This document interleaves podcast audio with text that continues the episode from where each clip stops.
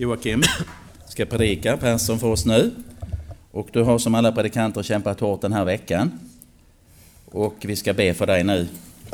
Himmelska far, nu ber vi för Joakim som din tjänare att han får predika ordet för oss. Ge du honom kraft, ge du honom mod. Tala genom honom. Amen.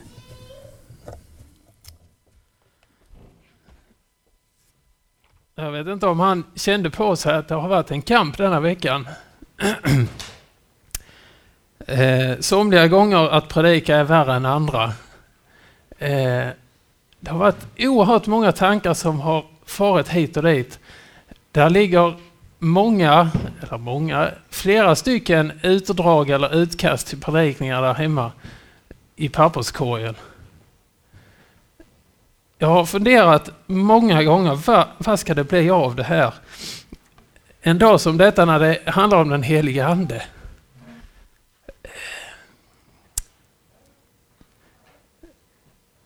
Flera gånger har jag tänkt att när jag har, har läst till exempel episteltexten och det som följer där, Petrus predikan, helt oförberett. Och så läser vi i slutet av predikan där, eller vad som händer, 3000 som blir kristna. Nu är det ju inte 3000 här som inte har hört en predikan innan. Men ändå. Så får bönen vara att anden ska verka. Inte bara här inne i mitt huvud och mitt hjärta, men i allas våra huvud och hjärtan. Och så funderade jag på vad, vad var det Petrus han sa den där första pingstdagen? Han pratar bara om Jesus. Vem är han? Vad har han gjort? Vad betyder det? Vad har det med mig att göra? Det var inga märkliga ord han sa på ett sätt. Men sån verkan det var i det. För att anden var verksam när, när eh, Triplak sjöng här innan så jag måste börja säga att jag är fantastiskt glad att ni har varit här. Alltså sång lyfter så mycket och kan föra in i våra hjärtan och liv saker som, som ord inte kan göra. Fortsätt med det. Det är gött.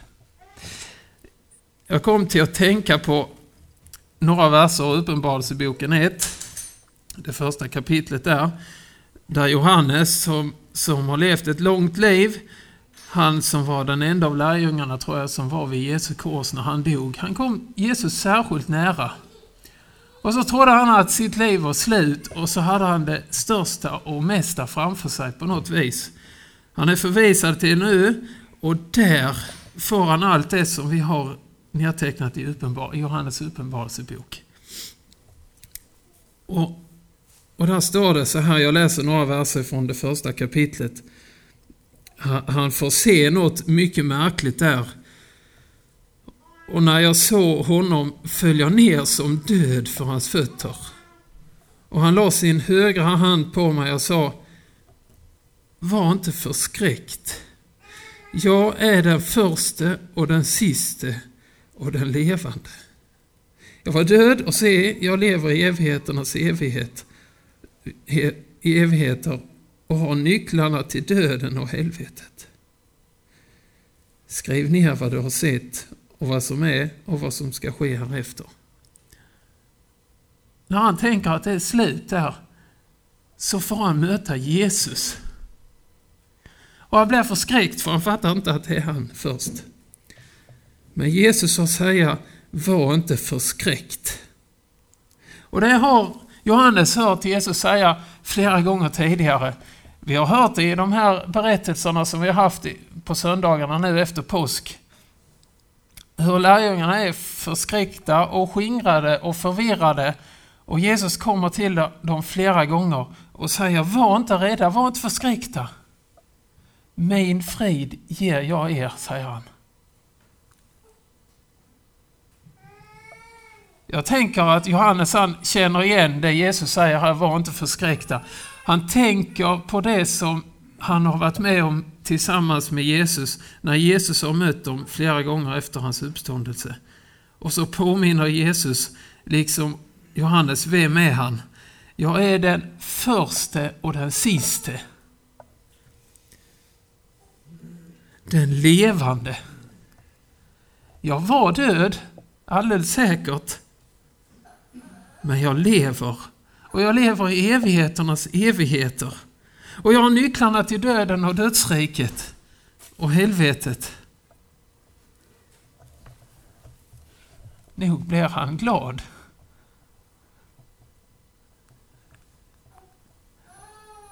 Vi har något så fantastiskt att hålla oss till och töja oss till. Och när jag har tänkt på den, på den här dagen så, som sagt, så har tankarna gått kors och tvärs.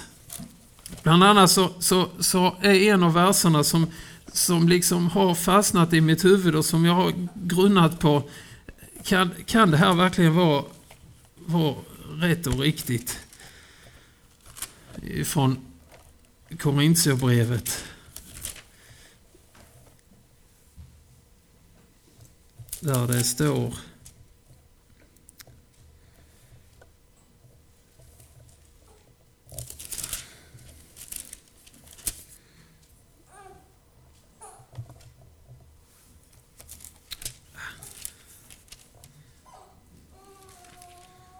Helt borta.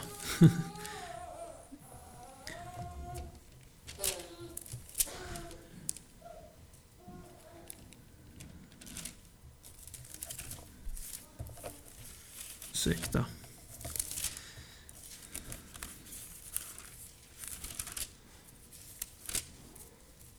Hm. Ibland försvinner texten så märkligt alltså.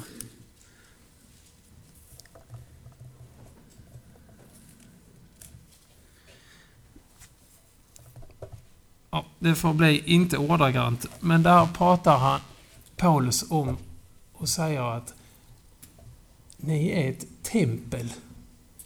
Ett Guds tempel och jag där anden bor i.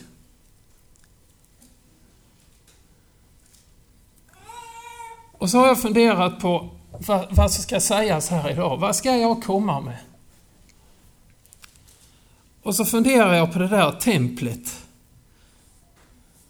Vad det var för något. Vi läser om det på massor av ställen i, i Gamla Testamentet, om en fantastisk byggnad som, som Salomo uppför under sin tid. Det är en stor, en mäktig byggnad. En fantastisk byggnad med flera olika avskiljningar och, och rum. Och i det innersta, det allra heligaste, där Gud bor. Och så tänker jag på hur templet var byggt. Det var inte av några pinnar här och där, utan av de allra finaste byggnadsmaterial. Vi får höra om guld i massor, cederträ och andra fantastiska grejer. Och det ska vara något exceptionellt, förstår vi. Och så pratar Paulus om att ni ska vara ett tempel där Gud bor. Hur kan en Gud som är så stor och mäktig bo i lilla mig. Och jag kan säga att jag har hört om det här i, i drygt 39 år. Och jag vet inte, det har blivit så konstigt denna veckan. 3 och 16, tack. Det har varit konstigt för mig här och det har varit konstigt för mig här. En stor och mäktig Gud som har skapat allt. Som väcker världen till liv som vi ser ute i naturen nu som är så fantastiskt grön och vacker. Eller hur Regina?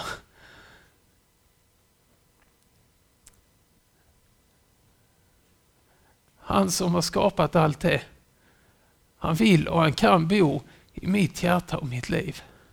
Och finnas där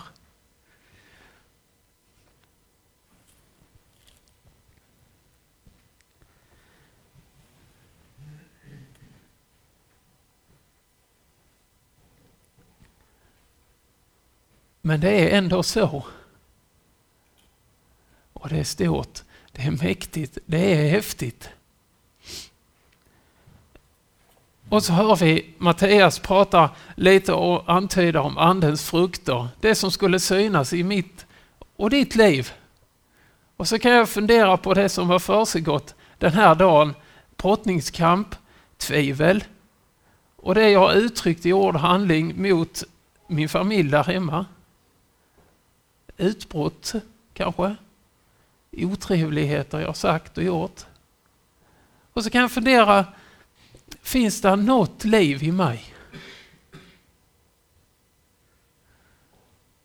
Och så har jag fått vara på gudstjänst och så har jag fått be om syndernas förlåtelse. Och jag har fått tillsagt mig förlåtelse. Inte för att jag var värd det, inte för att, för att jag har någonting att komma med. Men för att Jesus har någonting att komma med till mig.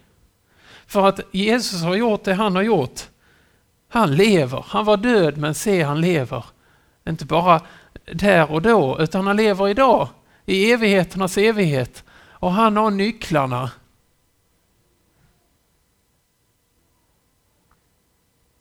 Han lever för att du och jag ska få leva.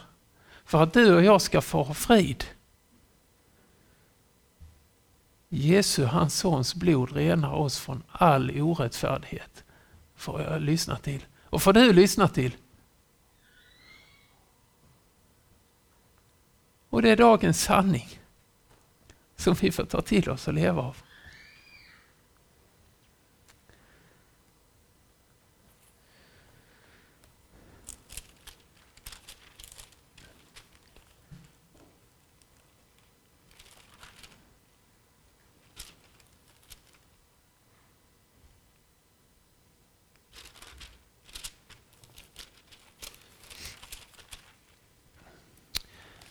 Vi, vi ska knäppa våra händer.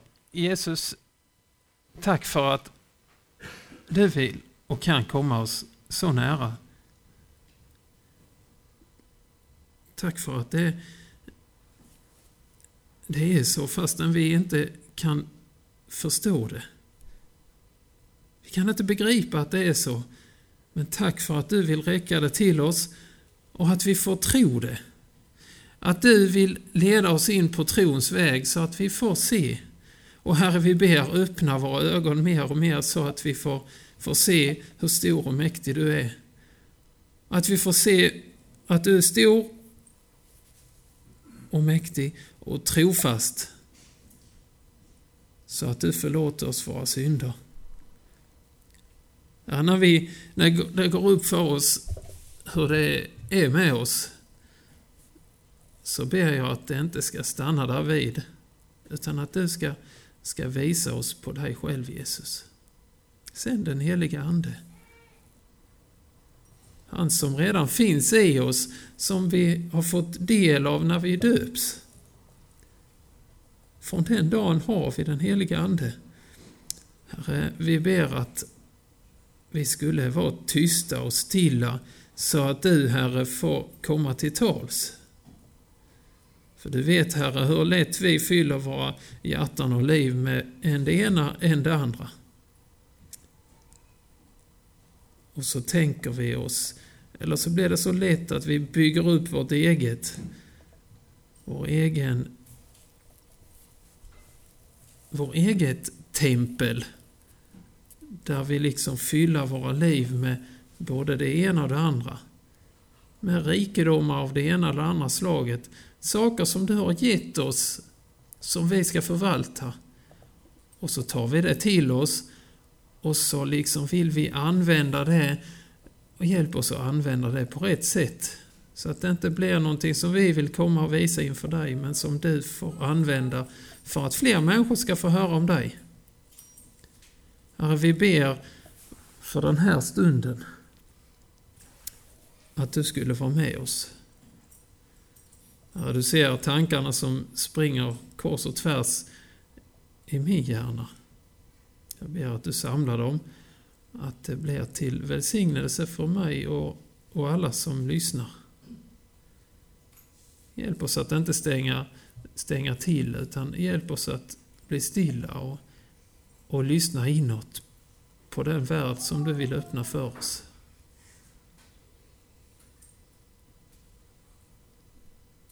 Herre, förbarma dig över oss. Amen. Ja, det var en krokig inledning till något som, som ska handla om något som är ganska långt härifrån. Som hamnar, eller handlar om en berättelse som jag kan fascineras av från Gamla Testamentet. Jag ska försöka att dra ner det till, till något lämpligt format här. Eh, det är från, från Kungaböckerna, det andra kapitlet, eller andra Kungaboken 5. Där vi får läsa om en man som heter Naman som är sjuk. Och det är ett lite längre stycke men jag, jag tror vi redar det ändå. Naman, den arameiska kungens högste befälhavare, hade stort anseende hos sin herre och var mycket aktad. Till genom honom hade Herren givit seger åt Aram. Han var en modig och stridsman, men spetälsk. Arameerna hade en gång dratt ut på strövtåg och som fånge från Israels land fört med sig en ung flicka som kom i tjänst hos Namans hustru. Flickan sa till sin matmor Tänk om min herre vore hos profeten i Samaria. Då skulle han befria honom från hans spetälska. Då gick Naman och berättade detta för sin herre och sa Så och så har flickan från Israels land sagt. Kungen i Aram svarade Res du dit så ska jag skicka brev till kungen i Israel. Så for Naman iväg och tog med sig tio talenter silver och sex tusen seklar guld och dessutom tio högtidsdräkter. Han överlämnade brevet till Israels kung och där stod Samtidigt med det här brevet har jag sänt min tjänare Naman till dig för att du ska befria honom från hans spetälska. När Israels kung hade läst brevet rev han sönder sina kläder och sa Är jag då Gud så att jag skulle kunna döda och göra levande eftersom denne sänder bud till mig att jag ska befria en man från hans spetälska? Lägg nu märke till och se hur han söker strid med mig. När gudsmannen Elisa hörde att Israels kung hade rivit sönder sina kläder sände han bud till kungen och lät säga Varför har du rivit sönder dina kläder? Låt honom komma till mig så ska han förstå att det finns en profet i Israel. Så kom Naman med sina hästar och vagnar och stannade vid dörren till Elisas hus. Då sände Elisa ut bud till honom och lät säga Gå i förväg och tvätta dig sju gånger i Jordan så ska ditt kött bli friskt igen och du blir ren. Men Naman blev vred och for sin väg och sa Jag trodde att han skulle gå ut till mig och träda fram och åkalla Herren sin Guds namn och föra sin hand fram och åter över stället och så ta bort spetälskan. Är inte Damaskus floder, Abana och Parpar bättre än alla vatten i Israel? Då kunde jag ju lika gärna ha tvätt, tvättat mig i dem för att bli ren. Så vände han om och for sin väg i vrede. Men hans tjänare gick fram till honom och talade och sa Min fader, om profeten hade begärt något svårt av dig, skulle du då inte ha gjort det? Hur mycket mer nu, då han endast har sagt till dig, tvätta dig så blir du ren. Då får han ner och doppade sig i Jordan sju gånger så som gudsmannen hade sagt, och hans kött blev friskt igen som en ung pojkes kött och han blev ren. Därefter vände han tillbaks till gudsmannen med hela sitt följe och gick in och kom fram till honom och sa Se, nu vet jag att det inte finns någon Gud på jorden utom i Israel. Ta nu emot en gåva av din tjänare. I korthet, vi får möta en man, Naman. Han är kungens högste befälhavare. Han har stort anseende hos kungen, han har uträttat mycket, han är högt aktad. Han var modig.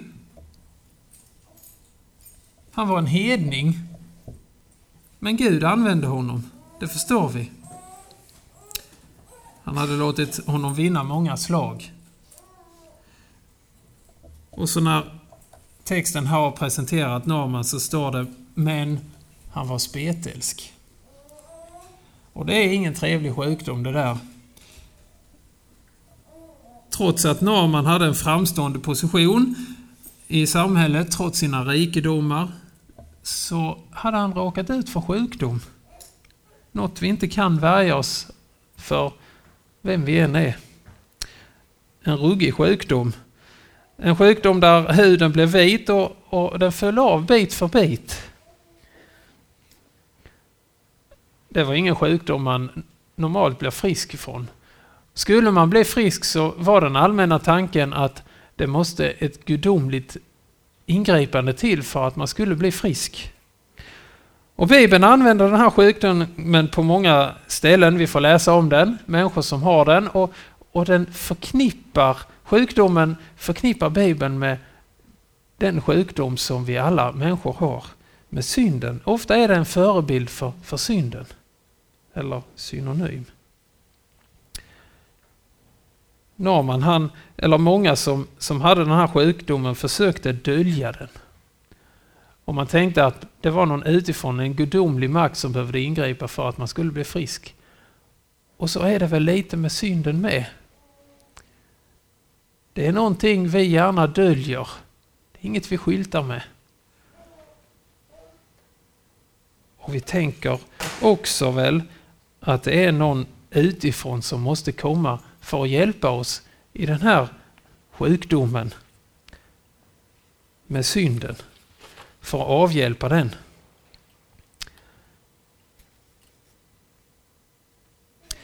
När vi läser berättelsen här så förstår vi att Norman han levde tillsammans med sin familj och att han arbetade för kungen trots sin sjukdom. Jag har läst någonstans att eh,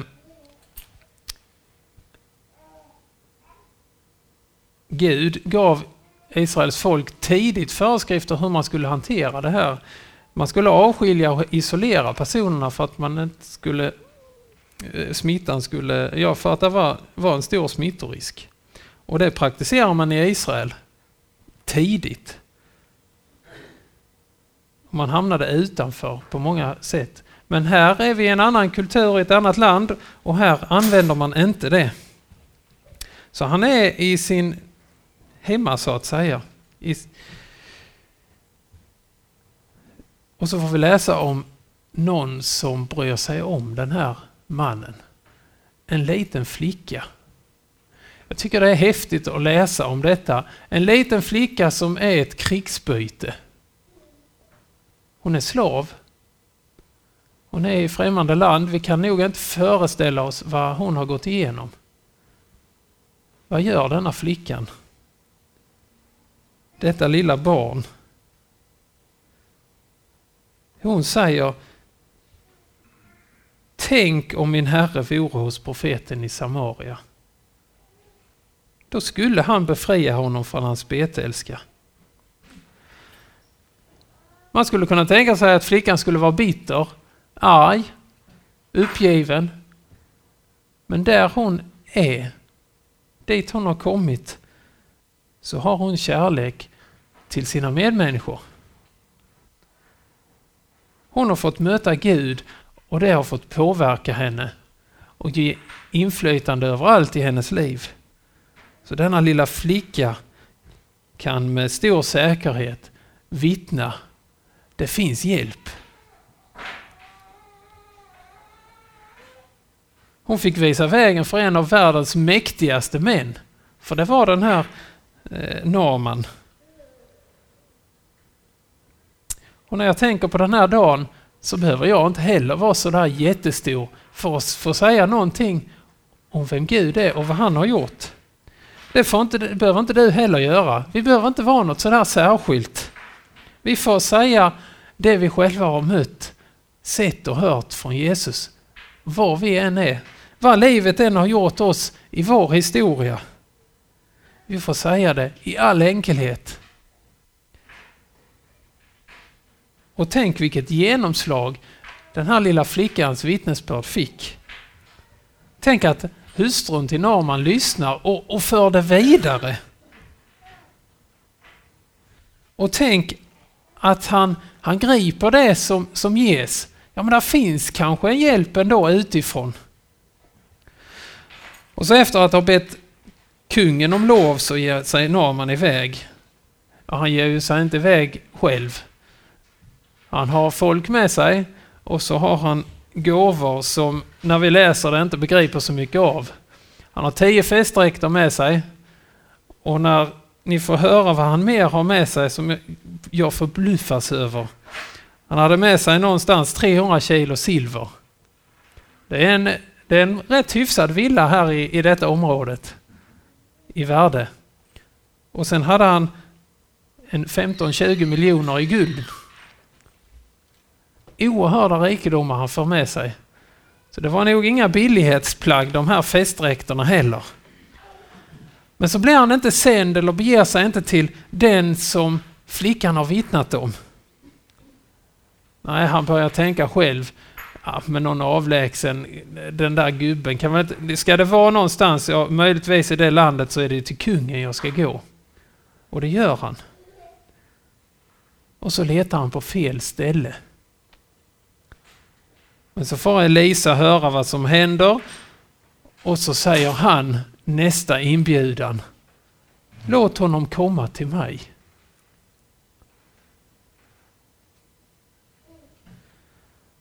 Det är nästa utmaning och inbjudan till oss.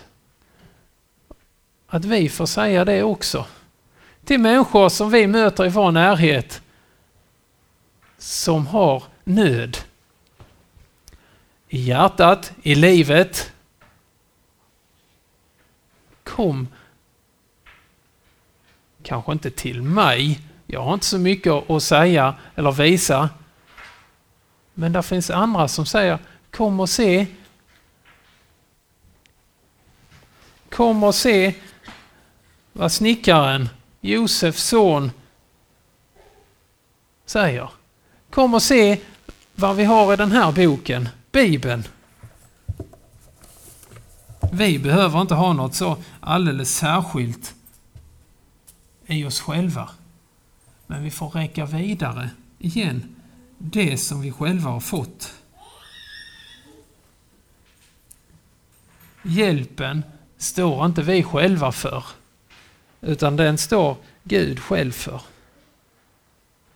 Men vi får vara, precis som flickan och profeten Elisa, vi får vara redskap och vägvisare. Vi får peka på var hjälpen finns.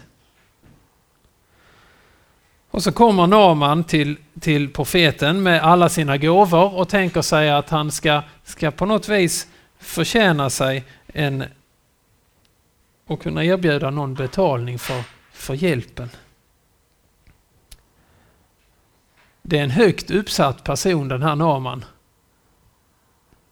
Och han gör ett officiellt besök. Och vad får han för bemötande? Han får inte träffa den där avlägsna profeten som man bara hört ett namn på. Han får bara träffa den profetens tjänare.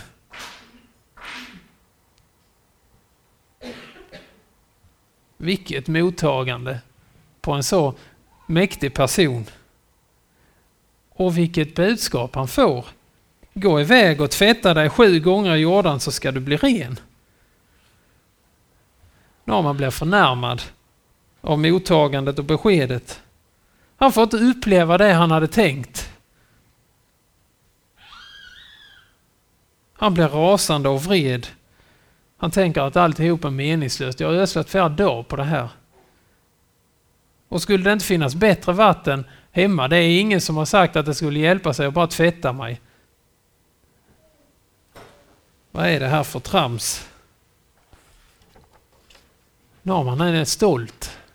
Och så har han en massa föreställningar. Han är upptagen av hur saker och ting ska gå till och, och ske. Någonstans tänker jag att Gud vill arbeta med Naman och visa var den verkliga hjälpen finns. Gud vill visa att det är inte de där yttre historierna och attiraljerna och attributen utan det är ordet från Gud som, som gör skillnad, som är det kraftfulla. Gud vill få Normans ögon öppnade För att det är inte bara sjukdomen som han behöver hjälp emot. Han behöver hjälp för hela sin människa. Med sin stolthet, med sin inställning och så vidare. Och Gud vill och arbetar alltid så, han vill ta hand om hela människan. Inte bara det som vi i första anblicken ser som problem. Han vill ta hand om allt. Men Naman tycker inte han får hjälp. Men han får den verkliga hjälpen. Han får ordet. Ett ord. Ett ord talat in i sitt liv. Och det kunde förändra allt för honom om han bara ville lyssna på vad som sades. Om han ville göra som han blev tillsagd. Men han går bort rasande. Jag funderar lite på när vi träffas här. Människor kommer till. Människor uppfattar saker på olika sätt. Människor har olika föreställningar. Det händer att människor går från föreningar, samlingar där ordet har gått ut men där man inte vill ta emot. Man kan gå bort förargad och tycka att man inte fått det jag hade tänkt mig, förväntat mig och behövde.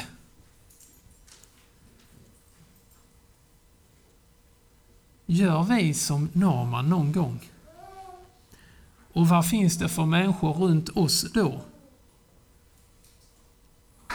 Om vi är en Naman eller en människa som finns runt omkring så att säga, så kan vi få ta hjälp av den här berättelsen och de människor som fanns i närheten av Naman när han gick bort ifrån profetens hus. De sa, om du hade blivit ombedd att göra någonting svårt, skulle du då inte göra det? Om du hade blivit, jag kan tänka mig, om du hade blivit utmanad att krypa ända hem till, till ditt hus där, hur många mil bort det nu var, hade du inte gjort det då? Kanske Norman hade tänkt på ett annorlunda sätt om det hade varit någonting liksom som hade krävts mer av honom. Än det där enkla, ta emot ordet och gör därefter. Doppa dig några gånger i floden och så bli frisk. Där finns människor runt Norman som, som får honom att tänka efter.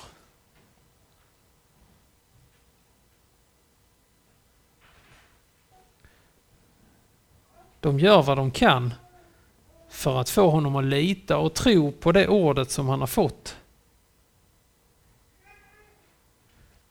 Och det får vi med göra.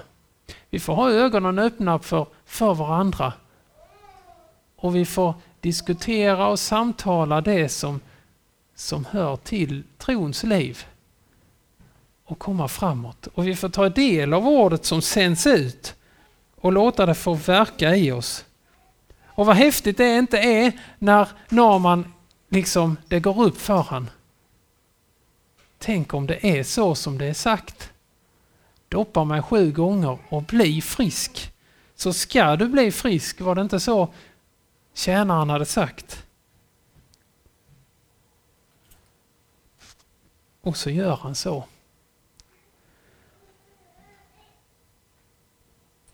Och så tänker jag för min egen del tankarna som, som var här i början och som jag har tänkt innan i veckan.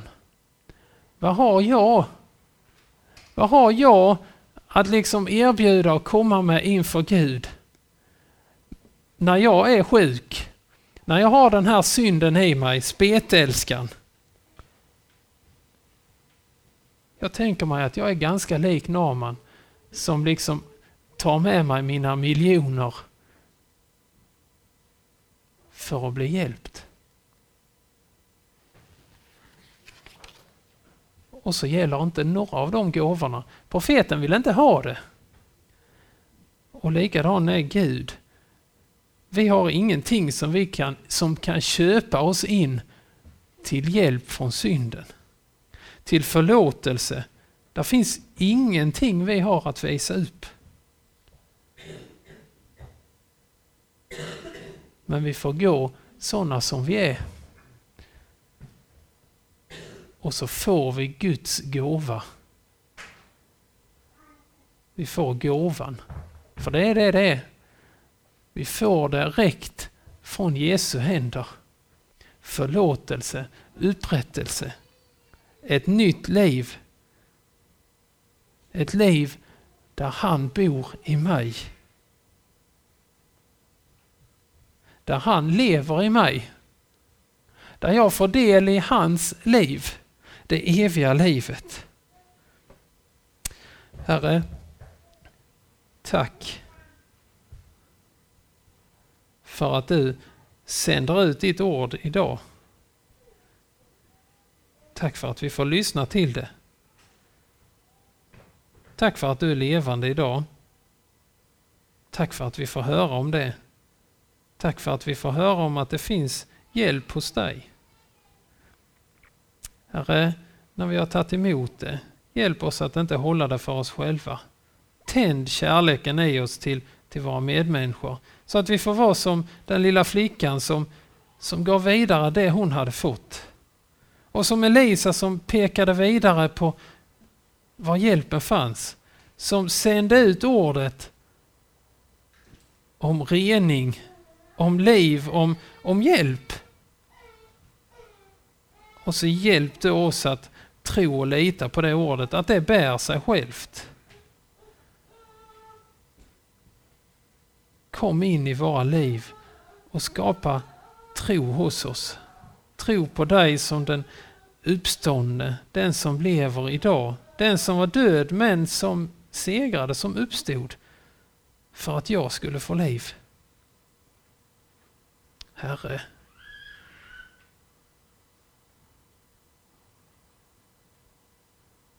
låt det få sjunka in i oss och uppfylla oss mer och mer dag för dag.